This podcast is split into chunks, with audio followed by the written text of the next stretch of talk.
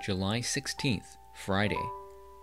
Evangelists who possess the content.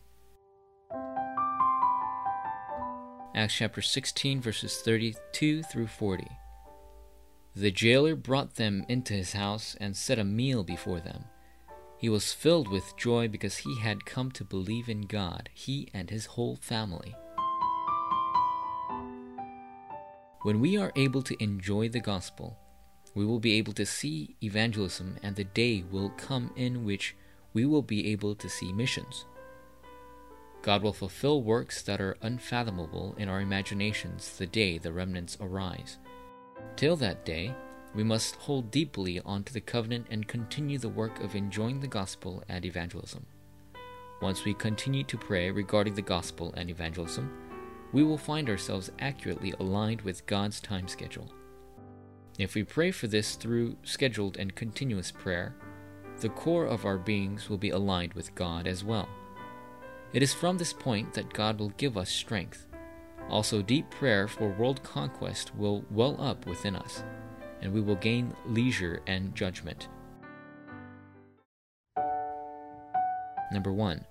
Nothing can overcome an evangelist who possesses the gospel. The central crux of the 66 books of the Bible is Christ. Genesis 3:15, Exodus 3:18, Isaiah 7:14, Matthew 16:16. The early church members possess the most important content of the gospel. They possess the content of Jesus Christ, Acts chapter 1 verse 1, the kingdom of God, Acts chapter 1 verse 3, and the filling of the Holy Spirit, Acts chapter 1 verse 8. A person who possesses the gospel and knows about the kingdom of God and the filling of the Holy Spirit needs only to pray from this point.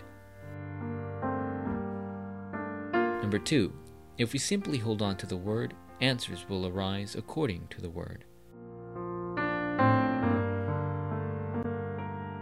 The word began to be fulfilled in earnest in the field where the Holy Spirit worked on the day of the Pentecost in Mark's upper room Acts chapter 2 verses 14 through 21. Thereafter 3,000 disciples arose in various places across the field. Acts chapter 2 verses 41.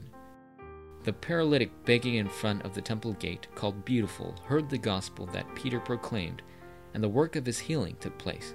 Acts chapter 3 verses 1 through 12.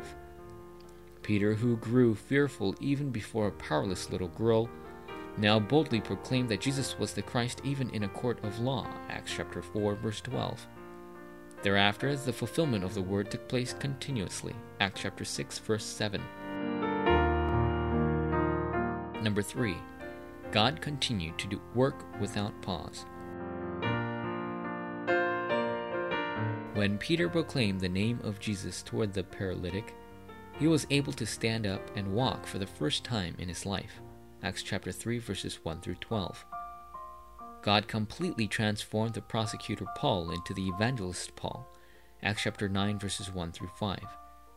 And through trials and tribulations opened the doors of world missions. Acts chapter 11 verse 19.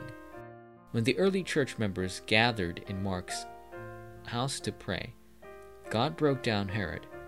If we hold on to the gospel and evangelism from now on and continue scheduled prayer, there will come a day in which we will connect with God. Our prayer topics will connect with God. Our evangelism directions will be aligned with that of God.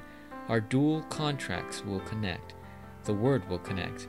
And our futures will connect. Forum topic Allow us to enjoy the blessing of becoming an evangelist who saves souls while thinking solely about evangelism.